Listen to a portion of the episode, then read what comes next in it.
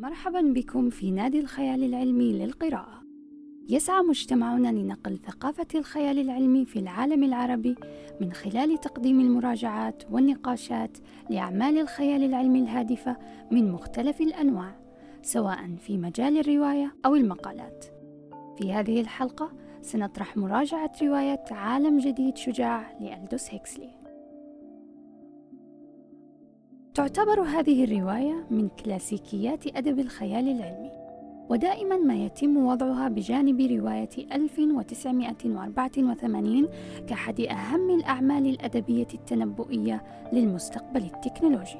تستفتح الرواية بمشهد في مركز وسط لندن. مهمته هي تصنيع البشر. فما عادت هناك حاجة للطرق القديمة المتمثلة بالإنجاب التقليدي؟ في هذا الزمن تمكن البشر من معرفة الطريقة المثلى لإنتاج المواليد دون الحاجة للمؤسسة العائلية. إنها الثورة التي أحدثها هنري فورد، ثورة صناعية وتقنية قلبت حياة البشر رأسا على عقب، ولأجل ذلك يعتبر فورد رسولا محررا. تلك الثورة أحدثت تغيرا كبيرا في المجتمع. السعادة والاستقرار هي الأساس الذي يبنى عليه هذا المجتمع، ولأجل تحقيق هذه الغاية تمت هندسة البنية الاجتماعية بحيث يمنح لكل شخص دور معين لأدائه. فهناك فئة الألفا وهي تتمثل في الطبقة العليا من المجتمع حيث يكون أصحابها ذو شأن كبير. وهناك فئة الدلتا وهي الطبقة الدنيا من المجتمع. يتم تنشئة كل فئة على حسب ما سيكون دورهم في المستقبل. فأن يولد شخص من فئة الدلتا يعني أن مستقبله قد اختير له منذ البداية. حيث يكون دورهم الأساسي هو العمل في المصانع فقط فما أن يكبر شخص من فئة الدلتا حتى يكون عقله قد تبرمج على اجتناب الحياة الفكرية والطبيعة لأنها بعيدة عن أماكن المصانع. لا يشعر أي فرد من المجتمع بالنقص أو الحزن. فهناك ما هو بديل لكل هذه المنغصات. عقار السوما شائع الاستخدام بين الجميع حيث يقوم هذا العقار بتجديد شعور السعادة والنشوة. هناك أيضا الطقوس التي يقوم بها أفراد المجتمع في مكان أشبه بالكنيسة ويطلق عليها بمراسم التضامن حيث يغني الجميع الترانيم ويثنون على هنري فورد الذي أحدث هذه الثورة في عالمهم.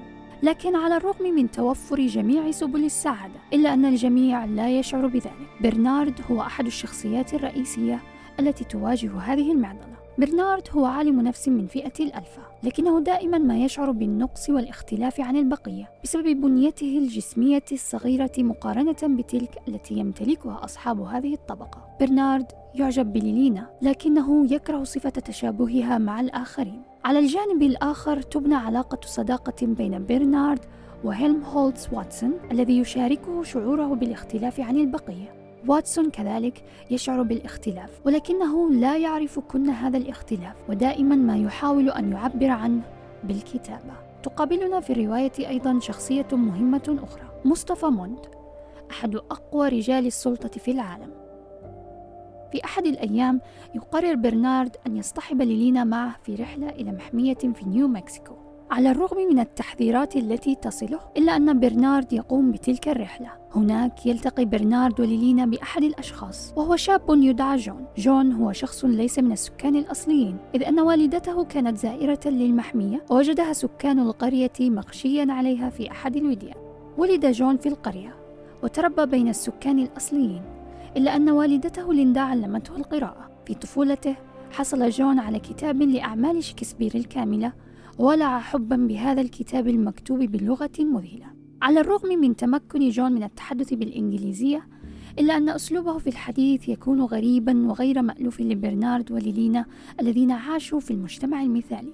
عندما يتم اصطحاب جون للمجتمع المثالي يحدث الصدام الكبير.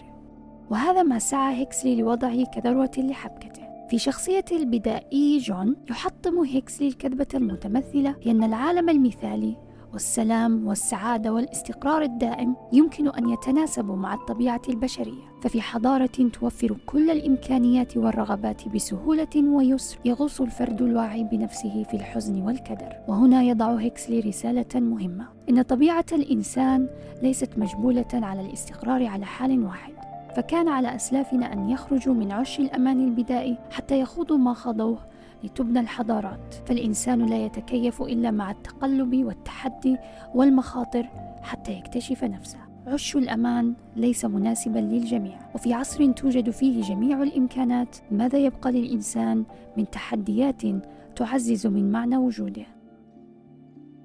عندما يواجه جون مصطفى موند يجيب هيكسلي بلا خجل عن هذه الأسئلة في هذا الحوار العظيم. ولكنني أحب هذه المتاعب. يجيب موند جون أما نحن فلا. نحن نحب أن نقوم بالأشياء بيسر وراحة. يجيب جون موند بكل إنسانية.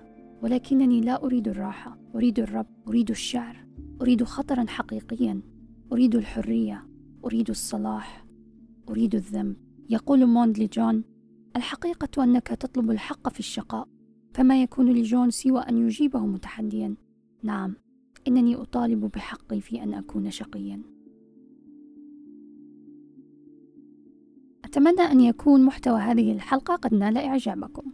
وإذا أردتم الاستزادة أكثر يمكنكم زيارة موقعنا مجتمع الخيال العلمي العربي حيث ستجدون الكثير من المقالات والمواضيع المفيدة والممتعة. كما يمكنكم الانضمام إلى مجتمعنا عن طريق متابعتنا في صفحتنا على تويتر مجتمع الخيال العلمي العربي أرب سايفاي. ويمكنكم اقتراح مواضيع أخرى ومشاركة تعليقاتكم على هذه الحلقة. لدينا الكثير لنشاركه مع محبي الخيال العلمي. فترقبوا الحلقات القادمة معنا بإذن الله. كانت معكم غيداء محمد من بودكاست نادي الخيال العلمي للقراءة. شكرا على إعطائنا من وقتكم. ونلقاكم في حلقة قادمة إن شاء الله. إلى اللقاء.